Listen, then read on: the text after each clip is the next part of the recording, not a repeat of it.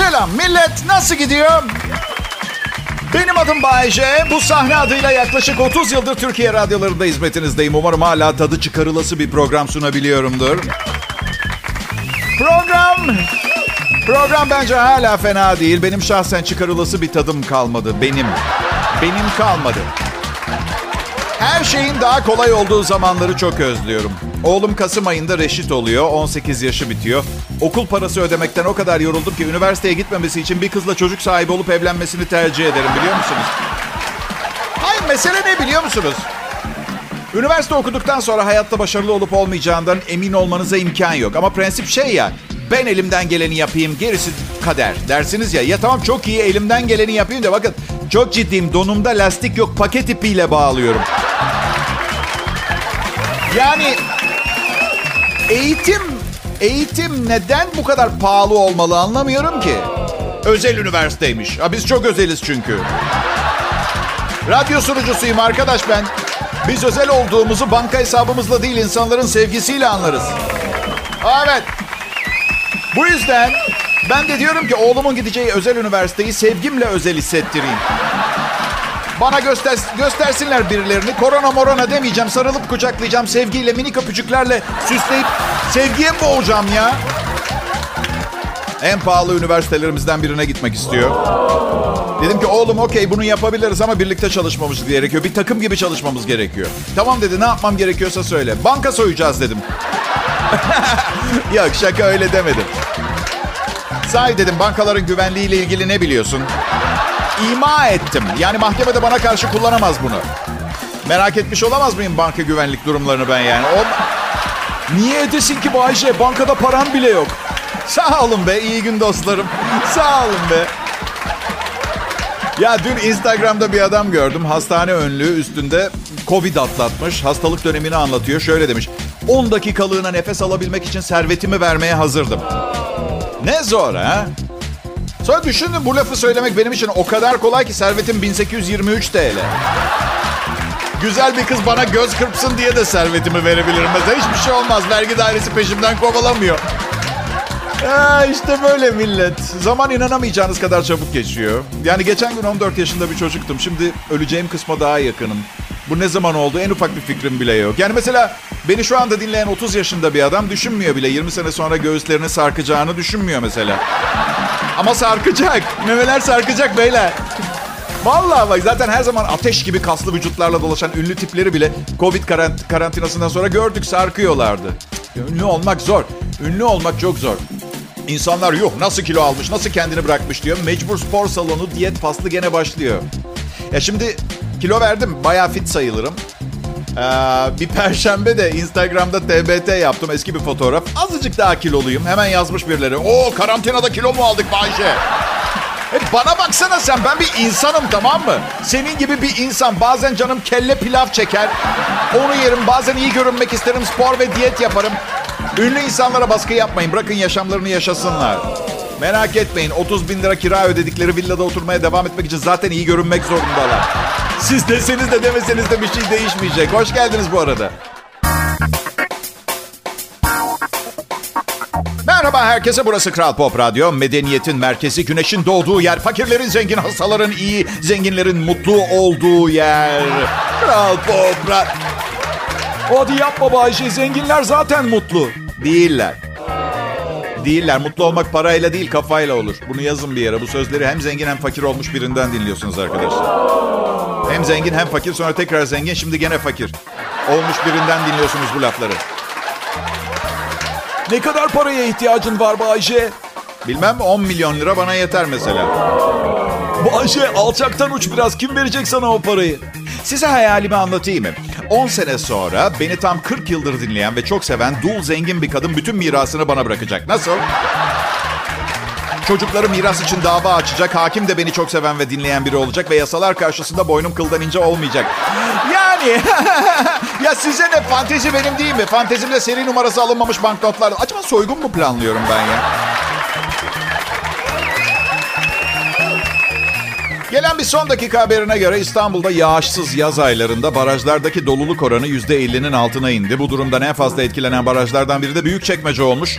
Baraj Gölü'nün e, su hafızasında doluluk oranı %25.56'ya düşerken daha önce balıkların yüzdüğü alanlarda artık rahatlıkla yürünebiliyor. Çevrede yaşayanlar daha önce hiç bu kadar kurumamıştı diyor. Valla kuraklık önümüzdeki yüzyılın en önemli problemlerinden biri olacak. Bunu zaten biliyoruz. İnsanlık olarak o kadar şımarığız ki sanki o kadar çok suyumuş var suyumuz varmış gibi davranıyoruz ki suya tuvaletimizi yapıyoruz. Çok bol ya. Hatta ve de hatta tuvalete giriyoruz. Eğer klozette önceden yapılmış çiş varsa aa diyoruz. Ben çişimi temiz suya, temiz, içilebilecek kadar temiz bir suya yapmak istiyorum ve sifonu çekiyoruz. İşte kirletecek yeni bir temiz su birikintisi. ya sadece tuvalet alışkanlıklarımızı değiştirerek birçok alanda feci tasarrufa gidilebilir. Di ama yapmayacağız. Dünya sona erecek. Yeni bir türün yaşamı başlayacak. Onlar yapar inşallah artık. ya tamam kabul. Umumi hela ben de sevmiyorum. Pis olur umumi helalar kabul. Bin kişi kakasının çişini yapıyor ama klozet kapağına yarım rulo tuvalet kağıdı sermek nedir ya? E gerçekten bir düşünmek lazım. Benim popom buna gerçekten değer mi? Yani dünyanın sonunu getiriyorum. Ağaçlar kesiliyor o tuvalet kağıdının yapılması için ya. Bir düşünmek lazım. Benim popom gerçekten bu klozet kapağından çok mu daha temiz? Ben asla yapmam. Bacak kaslarım güçlü, kendimi havada tutabiliyorum. Çok konforlu değil ama biraz çevrecilik arkadaş. Sevgilim çok titiz. O kadar çok tuvalet kağıdı seriyor ki klozete tempur yatak gibi oluyor. 4-5 santim yukarıda aşkım diyorum aşağı düşeceksin. Bir yerini inciteceksin. Yapma gerek yok. Şu ana kadar poposundan korona kapan birinin haberini okumadım ben. Ay. Sevgilim daha büyük israf da yapıyor. Ya neredeyse iki senedir beraber yaşıyoruz. Benden utanmasına gerek var mı? Yok. Tuvalete girince neler olduğunu biliyorum. Yani ses duyulmasın diye çeşmeyi açıyor. Su sesi örtsün diğer sesi. Sifona zamanından önce basıyor. Biraz daha gürültü olsun diye. Sonra da gerektiği için bir daha basıyor. Doğal olarak evde 10 dakika içinde Afrika'nın 6 aylık su ihtiyacı çöpe gitmiş oluyor. Ayıptır vallahi billahi ayıptır. Kral Pop Radyo'da evinden yayında J'yi dinliyorsunuz. Ayrılmayın. Hey millet iyi akşamlar. Keyifler iyi mi? Ha, keyifler çok yerinde değil biliyorum. İyi ki alkış efektim var. Evet. Korona yine saldırıyor. Rakamlar artıyor. 14 ilimize yeni kurallar geldi. Evet maalesef geldi. Um, ve işte nikah düğün benzeri zımbırtılar için aralarında İstanbul yok şehirlerin ee, şimdilik. Var ya şu şu 20 Eylül'deki nikahım olsun bitsin evde nevrotik bir kadın var arkadaşlar. Yani bakın ciddi zor. Okuduğum haberleri ona anlatmıyorum çünkü standart nikah öncesi gelin sendromları yaşıyor. Atıyorum koru... Korona yüzünden düğünler nikaha çevrildi desem benim yüzümden olmuş gibi davranıyor biliyor musunuz? Neden pardon? Niye benim yüzümden olmuş oluyor ki? 6 ay erken evlenme teklif etseydim bütün bunları yaşamıyor olurduk diyor. Ya saçmalama aşkım diyorum. Yani 6 ay erken evlenme teklif etseydim Çinliler laboratuvarda dünyayı yok etmek üzerine bir virüs üretmekten vaz mı geçeceklerdi? Bunu mu söylüyorsun bana? Gerçekten her şeyin suçlusu olmaktan çok sıkıldım ya. Oysa ki hayatımın büyük bölümünde insanları mutlu etmek için çalıştım. Sen ne iş yaparsın Bayce diye soruyorlar. Bunu çok düşündüm. Ben aslında bir yazarım. Yazdıklarını kendisi sunan bir yazar. Çünkü size anlattıklarımı yazmadan anlatmanın bir yolu yok. Biraz bilimciyim, biraz da uyanığım. Yani ne tür bir genetik hediye bilmiyorum ama olayları analiz edip anlamlı, anlamlı kaybettirmek gibi bir yeteneğim var. Siz bana mevzuyu söyleyin, ben size hiçbir anlamı olmadığını ispat edeyim. Öyle. Dinleyicilerimin en çok sevdiği şeylerden bir arabalarında radyoda beni dinlerken videoya kaydedip bana Instagram mesajı olarak atmak. evet biliyorum biliyorum sevgilerinden yapıyorlar. Yani bak seni gerçekten seviyor ve dinliyorum. Yalan söylemiyorum bak videosu. Herkes radyoyu çekiyor videoya. Bir kız radyoda yayın var çekmiş ama kendini çekmiş. Videonun sonunda da öpücük atıyor. Sadece ona çok teşekkür ederim. Evet. ya fark edilmek her insanoğlunun ihtiyacı aslında. Olgunlaşıp büyüdükçe bu ihtiyaç azalıyor bu arada. Yani bende öyle oldu. Herhangi bir ortamda lafımın üstüne konuşmaya başlayan, sürekli kendisi konuşan insanlar falan varsa artık lafımı dinletmek veya araya girmek için en ufak bir çaba bile sarf etmiyorum. Bilmiyorum belki de her gün kendimi milyonlarca insana dinlettiğim için ihtiyacım olmuyordur ama Hayır. Yani ben ısrarla şu sebepten olduğuna inanıyorum. Kompleksli, egolu, boş konuşan insanlarla mücadele etmeye tahammülüm kalmadı arkadaşlar benim. Aynen öyle. Daha ne kadar yaşayacağım bilmiyorum ama kalan kısmında boş yapan insanlara yer yok. Zaten bu yüzden yaşlandıkça etrafınızdakileri elekten geçire geçire sadece birkaç kişi kalıyorsunuz. Geçen gün birkaç e, önemli isim, ünlü isimler, yetkili isimler arka arkaya arayıp programa iltifat ettiler. İşte sizi seviyoruz Bay J filan da falan. Sevgilim de birlikteliğimizin başından beri ettiği en münasebetsiz lafı etti. Şey dedi ya Bay J inanmıyorum millet seni ne kadar çok seviyor ya. İnanmıyor musun? Dedim ki sevmesi bu kadar zor biriysem inanamayacağın kadar. Hayır param da yok benimle niye evleniyorsun merak ediyorum dedim. Bazen düşünüyorum ee, neden insanlar beni seviyor diye. Hüsnü tabir yok bende. Bence onun için seviyorlar. Eufemizm yok. Hüsnü tabir çok kullanılan bir kelime değil. Bu yüzden size ne olduğunu anlatacağım. Hüsnü tabir kaba, çirkin ve sakıncalı nesneleri veya kavramları başka sözcüklerle daha uygun bir biçimde ifade etme sanatı. Edebiyatta ve hitabet sanatında bu söz sanatına sıklıkla başvuruluyor. Bense herkesin bildiği şeylerin üstünü örtmekten hiç hoşlanmam. Prensibim dürüstlük, yaptığım program insanoğlunun itiraflarıyla dolu. Beni dinlediğiniz için hepinize çok çok teşekkür ediyorum. Sevmeseniz de olur ama dinlemenizi özellikle rica ediyorum. Taş yemeği denedim, protez dişlerimi kırıldı. Evet.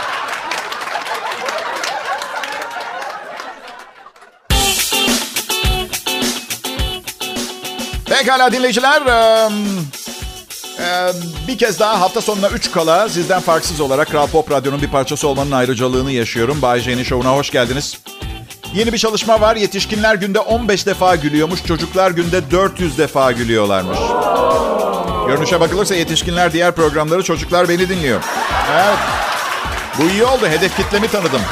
Birazdan Bay J Show'da ilkokul çağında nasıl yakışıklı bir yetişkin gibi görünürsünüz. evet küçük beyler. Annemle konuştum bugün. Ciddi bir konuşmaydı. Bazı meselelerimizi çözmeye çalıştık.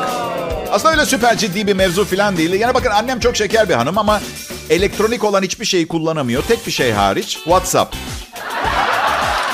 Onu çok iyi kullanıyor. Evet. Ee, internetten ona gelen mailleri iletmek, Facebook mesajlarını iletmek, ona gelen bütün WhatsApp mesajlarını iletmek. Kadın bulaşık makinesi kullanamıyor. Her sabah uyanıyorum ve annemle gelen 75 tane mesajı silmem gerekiyor. Üstüne bir de WhatsApp kullanmayı öğreten bana lanetler olsun. Niye siliyorsun Bahçe? Belki önemli şeyler iletiyordur. Bakın, annem 80'lerinde emekli bir ev hanımı. Bugüne kadar ciddiye aldığı tek şey babamın ölmesini beklemek oldu. Evet. O da hiç gidecek gibi değil bu arada onu da söyleyeyim. Evet. Hani kazık çakmak derler. Ee, ne yollayabilir ki bana gerçekten? Hayır 75 tane mesaj geliyor. Bir tanesinde bile oğlum seni çok özledik bir ara yazlığa gel de bir iki gün bizde kal. Baban denen o sümsüğün de selamı var. Yok öyle bir şey gelmiyor anlıyor musun? Yok efendim dans eden kediler. Tunus turizm broşürü. Saçma sapan. Ay engellenenler listesine koyacağım ama annem yani annem ya bir gün önemli bir şey yazacak olsa bazen ona çok kızdığım zaman anonim mesaj yolluyorum. En ufak bir fikri yok ne olduğuna dair. Çocukluğumu mahvettin, kocanın başının etini yedin. Kötü bir kadınsın. Beni arıyor hemen şey diyor. Bayce çocuğum telefonumda acayip bir yazı çıktı. Virüs galiba. Telefon şirketi yolladı herhalde. Anlamıyor. Ben telefonumun çocukluğunu nasıl mahvetmiş olabilir? Gerçekten kötü mü geçti çocukluğun Bayce? Hadi tabii ki öyle. Yoksa neden komedyen olayım ki? Ha? Ya şöyle babam çok çalışırdı ve sürekli yurt dışındaydı. Gerçi ben üst kattaki kadının evinde kaldığından şüpheleniyorum ama neyse. Neyse annemin de işi yoktu. Sekiz tane kedimiz vardı. Bütün gün peşlerinden koşup fotoğraflarını çekiyordu. Be- benim dört kedilerin 700 hatıra fotoğrafı var arkadaşlar. Öyle düşün. Çocukluğum iyi geçti mi Bayce? Mazereti de şuydu. Sen daha uz çok uzun yaşayacaksın. Kedilerin 5 yılı kaldı. E, oldu mu anne şimdi ya? Ay o kadar sıkıcı hikayeler anlatırdı ki ben bugün hayatımı nasıl komedi yazarlığı yaparak kazanıyorum. En ufak bir fikrim bile yok arkadaşlar. E anne anlatsana neler oldu? Bak çok güleceksiniz. Minnoş bugün mutfak tezgahının üstüne çıktı. Zaten kedilerle ilgili olmasa şaşarım. Ay vardır ya böyle 4000 kediyle bir evde yaşayan 90 yaşında dul kadınlar. Dul olma sebebi de 4000 kedi 6. kocayı da yedikten sonra bir daha evlenmeye üşenmiş. Sonra bunadığı için kedilerine yemek vermeyi unutur. Kediler onu da yer filan. Öyle bir sonu olmasından korkuyorum. Neyse minnoş tezgah çıktı. Ben de görmedim. Tavayı üstüne koydum. Yandı mı kedi? Veterinere götürdüm. Veterinerin teyzesine aynısı olmuş. 18 kedisi varmış. Kıyamıyormuş. Sokakta görünce eve alıyormuş. Neyse. Teyzesinin baba tarafından yeğeni abisinin okulundan bir oğlanla çıkmaya başlamış. Kız hamile. Anne 7 yaşındayım. Ne biçim hikaye bu? Neyse Allah uzun ömür versin annelerimize başımızdan eksik etmesin. Kral Pop Radyo'da Bay J. Ben ayrılmayın rica ederim dinleyici. Merhaba dinleyiciler benim adım Bay J. Kızarmış tavuk restoranlarının tavuklara yaptığını Türkiye'de radyoculuğa yapıyorum. Lezzet katıyorum. Teşekkürler. Hırsızlık. Ee, hastalık olan hırsızlıktan, kleptomaniden bahsediyorum. Kleptomanların çoğu kadınmış arkadaşlar. Yani, psikiyatrik eğitim, danışma, araştırma ve tedavi merkezi psikiyatri uzmanı bir dürtü kontrol bozukluğu olan kleptomaninin çalma hastalığı kadınlarda erkeklere yaklaşık 4 kat daha sık görüldüğünü söylemiş. Devam et beyler bu doğru. Üstelik bazen iyice bağladıktan sonra iyice göstere göstere yapıyor. Bu arada yine moralimi sıfıra düşüren bir titir beni bitirdi. Ünvanınız Bay J. Ya sizin? Psikiyatrik Eğitim Danışma Araştırma ve Tedavi Merkezi Psikiyatrik Uzmanı. Doçent Doktor. Erkek arkadaşınızı affetmeniz gerekebilen konular varmış. Bir site diyor ki erkek arkadaşınızın yaptığı bazı şeyleri affetmeniz gerekiyor. Hanımlar bir dinleyin bakalım.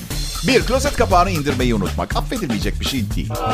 İki, çirkin bir sandalet giymesi. Üç, çok fazla çalışması. Dört, pişirdiğiniz yemeği beğenmemesi.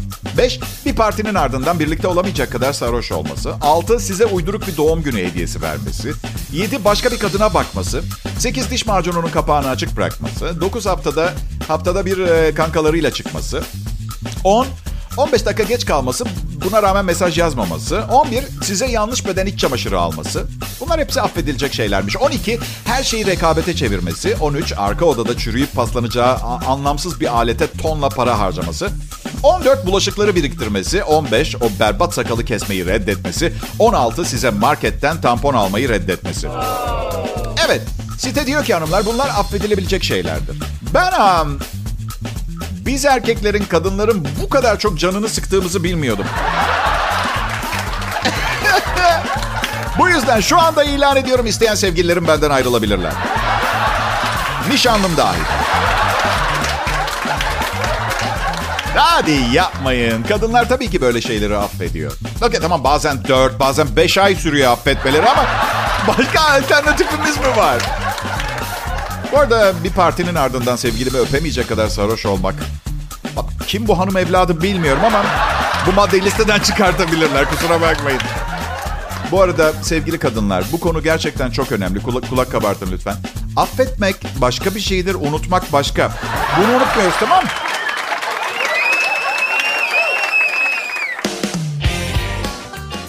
Sevgili dinleyiciler, dedem çok yaşlıydı yıllar önce. Bana bir gün şöyle dedi. Bu ailede bugüne kadar hiç kimse benim için güzel bir şey yapmadı. Çok üzüldüm, çok üzüldüm. Biraz keyfini yerine getirmek için. Ama dede dedim olsun yani bak doktor saydı daha dört günüm var diyor. Ben zor zamanlarda panikliyorum. Ne diyeceğimi bilmiyorum. Özellikle de dört evlilik yapmış 92 yaşında birini. Hangi ailesinden bahsettiğini bile bilmiyorum. Anladın mı? Bu ailede bana kimse... Bilmiyorum. Zaten hafızası çok kötüydü. Büyük ihtimalle beni üçüncü eşinin eski kocasından olan oğlundan çocuğu falan zaten ben alakasız. Sağırdı bir de. İki kulağı da az duyardı. Şeyi izah etmek mümkün mü? Her bağırdığımızda bağırmayın kulağımın dibinde de normal sesle konuştuğumuzda ne der. Neyse ana fikre dönelim. Bu ailede hiç kimse bana hiçbir zaman güzel bir şey yapmadı. Deyince şeye uyandım. E dedim oğlum Bayece birilerinin senin için güzel bir şey yapmasını bekleyene kadar. Neden sen kendin için güzel bir şeyler yapmıyorsun? İşte o gün bugündür dejenerasyonla yoğrulmuş iğrenç bir hayat yaşıyorum. Çünkü bunu istiyorum ve bunu seviyorum. Birilerinin benim için yapmak istediği şeyi kendim için yapıyorum.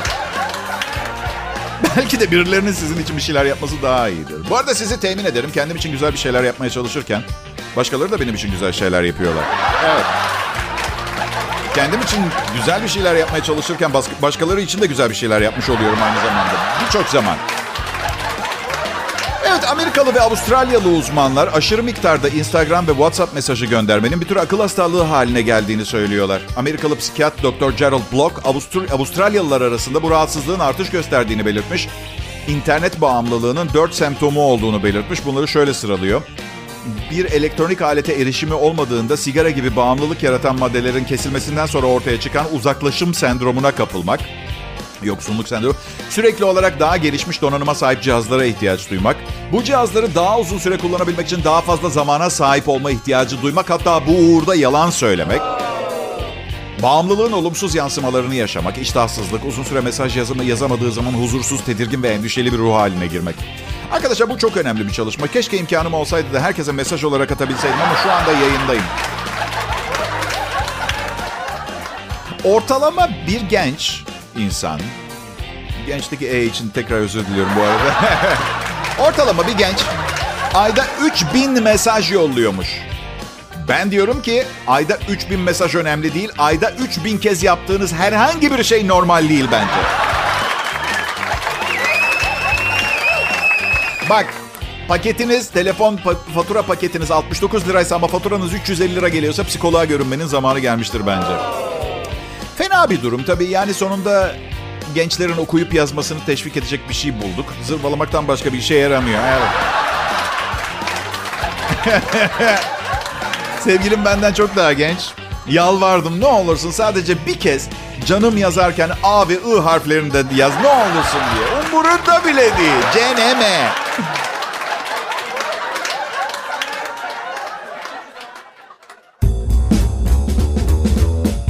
Kral Pop Radyo'nun Türkiye'nin en ünlü Türkçe pop müzik radyosunun akşam saatlerinde Bay J ve arkadaşları her zamanki üstün performanslarını her zamanki gibi yine Bay J'ye borçlular. Benim. 8 aydır paranoya belirtisi göstermiyorum. Hastalık hastasıydım ama hani hastalık hastasısınızdır ve kendinize iyi bakmaya çalışırsınız ya sürekli hasta olduğunuzu düşündüğünüz için. Ben spor yapmaktan nefret ediyorum. Yağlı koyun eti yemeyi seviyorum. Çünkü aslında süt kuzusuna kıyamıyorum ben. Yani kuzucuğun biraz daha hayatı yaşamasını istiyorum. Bu yüzden koyun yiyorum ama hayatın ne kadar harika bir şey olduğunu anlamanız açısından hayatı yaşadıktan sonra berbat kokmaya başlıyor. Evet. Bir gün burada yayında ölebilirim. Hangi damarımın ne zaman tıkanacağını bilmiyorum. Ki bu çok kötü bir şey değil. Yani düşünsenize dinleyen kimse unutmaz. Ama mesela aynı gün Gülben Ergen stüdyo konuğum mesela tamam mı? Yazık hep ikinci planda kalacak. Mesela iki sene, üç sene geçer üstünden. Ya Bahçe'nin öldüğü programı hatırlıyor musun? Ha ha. Gülben Ergen de konuktu. İkinci plan, ikinci planda kalıyor. Bu yüzden size tavsiyem asla bir showman'in konuk olduğunuz programı sırasında ölmesine izin vermeyin. Ay komedyenler, radyo şovmenleri. Sallarız biz çok sallarız. Ama ben iyi bir komedyenim. Ben komedi işine komedi yapmak için girdim. Ama ilginçtir o kadar çok alakasız teklif aldım ki zaman içinde. İyi peki bir komedyensin, iyi yazıyorsun. Oyunculuğun var mı? Senaryo yazabiliyor musun? Hadi bize bir film yaz. Komediye bağlı olup komedi olmayan şeyler yapmamı istiyorlar. Ve bu bence adil değil. Yani çok iyi bir aşçı olsam her gün şöyle teklifler mi gelecekti? Çiftliğimizdeki inekleri kesmeni istiyoruz. Ya da ne bileyim bebeğimiz yemek yemiyor. Gelir misin? Belki seni görünce yer. Ben ha, şimdi bir şey söyleyeceğim ama deli olduğumu düşünmenizi istemiyorum arkadaşlar. Biliyorum bu biraz zor ama deneyin lütfen. Ben ha, oklardan hoşlanmıyorum. Yollardaki oklar. Bu yöne. Lanet olsun o yöne gitmek istemiyorum. Yönlendirme okları bizi birer robota çeviriyor. Oku takip et. İstemiyorum kendi rotamı çizeceğim. Hay düşünsenize okla vurulduğunuzu düşünün. Hey şurada okla vurulmuş adama bakın. Hadi oku takip edelim bakalım nereye gidecek. Ha. İşte bundan bahsediyordum. Ha, yapacak bir şey yok. Hayat bazen... Um, bazen... Derler ya işte bazen heykelsin bazen kuş. Uh, bir kadının kocasını eğitmesi mümkün mü sizce arkadaşlar? Hmm. Ee, Ask Laskas danışma sitesinden e, bir alıntı. Kadının biri kocasından dert yanıyor. Berbat bir alışkanlığı var diyor. Ne zaman birlikte yürüsek ve bir kapıya gelsek. Kapıyı açıyor, önce kendi giriyor. Zaman içinde onunla bu konuda defalarca konuştum ve uyardım. Bir daha yapmayacağına söz verdi ama sonra hep eskisi gibi yapıyor. Ne yapmam lazım? Cevap, cevap gelmiş siteden. Diyor ki Bu bir kocanızı eğitme meselesidir. Bir daha bir kapıya geldiğinizde tam açıp içeri girmeden dur diye bağırın. Tıpkı köpeğinize sert komut verir gibi. Şimdi orada bekle ben içeri girdikten sonra gir deyin. Bunu hep tekrarlayın. Bir süre sonra kocanız siz yanında olmasanız bile her kapıya yanaştığında sesinizi hatırlayacak ve zaman içinde düzelecek. Vay be. Bozacının şahidi şıracı. Hay ben gerçekten köpeğinizde kullandığınız ses tonu söyleminden anormal derecede rahatsızım. Anormal derecede. Hayır bir tek şey sormak istiyorum. Köpek evin kirasını ve faturaları ödüyor mu? Ya o zaman aynı ses tonunu kullanarak belki kocasının salon halısına kakasını yapmasını da önleyebilir ha? Ben bu kadına tek bir kapı tutmak isterdim. O da boşanma davasının ardından adliyenin çıkış kapısı. Bakın yapıcı yapıcı olmak gerekiyor tamam mı? Bu iyi bir şey değil. Ne o köpeğinize kullandığınız ses tonuyla dur deyin falan. Benden kocası kapıyı açıp önce geçen kadınlara daha yapıcı bir öğüt. Bir kapıya geldiğiniz zaman kapıyı açın, ona tutun ve şöyle deyin. Önce kızlar.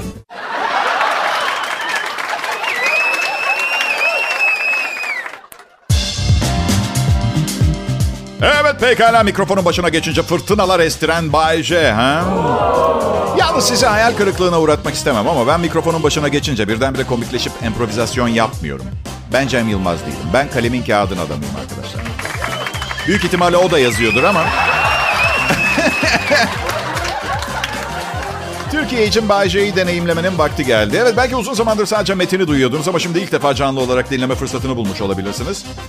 Ee, Bay J. Teşekkürler ederim sağ olun. Bay J. mersi, mersi. Bay. E yeter. Bay. O kadar asi biri ki Latin alfabesini reddedip yerine Hitit alfabesini kullanıyor ve bu programı o şekilde yazıyor. Nitekim program ondan böyle. Hazırladığı o şahane yazıları deşifre edemeyip atmasyon hikayelerle geçiştirmeye çalışıyor. Evet benim. Ben sevgilim konuştuğu zaman dinlemekte çok zorlanıyorum. Ee, gerçekten çok zorlanıyorum. Erkekler sorunları tartışmanın gereksiz ve zaman israfı olduğunu düşünüyormuş. Bu gerçekten bir üniversite çalışması. Erkeklerin bakış açısı bu. Genç insanlara sormuşlar sorunlarınızı tartışmak sizi nasıl hissettiriyor diye. Erkekler gereksiz, oğlu gereksiz demişler. Kızlar diğer yanda tabii ki sorunları konuşmanın kendilerine önem veriliyormuş gibi hissettirdiğini söylüyor. Anlaşılmış ve yalnız bırakılmamış hissettirdiğini. Çalışma kadınların bu sorunları konuşma sevdası yüzünden erkeğin canını sıkma riskiyle karşı karşıya olduğunu çıkartıyor. Yani kızların sorunları konuşmanın tek mücadele yolu ol- olmadığını bilmesi gerekiyor. Bu sebepten dolayı erkeklerin futbolu var. Evet. Futbolu var. Balığa çıkıyoruz. Kızların da dondurması ve çikolatası var diye biliyorum ama önermiyorum. Kaş yaparken göz çıkartıp 200 kilo olmayın hanımlar değil mi? Hiç gerek yok.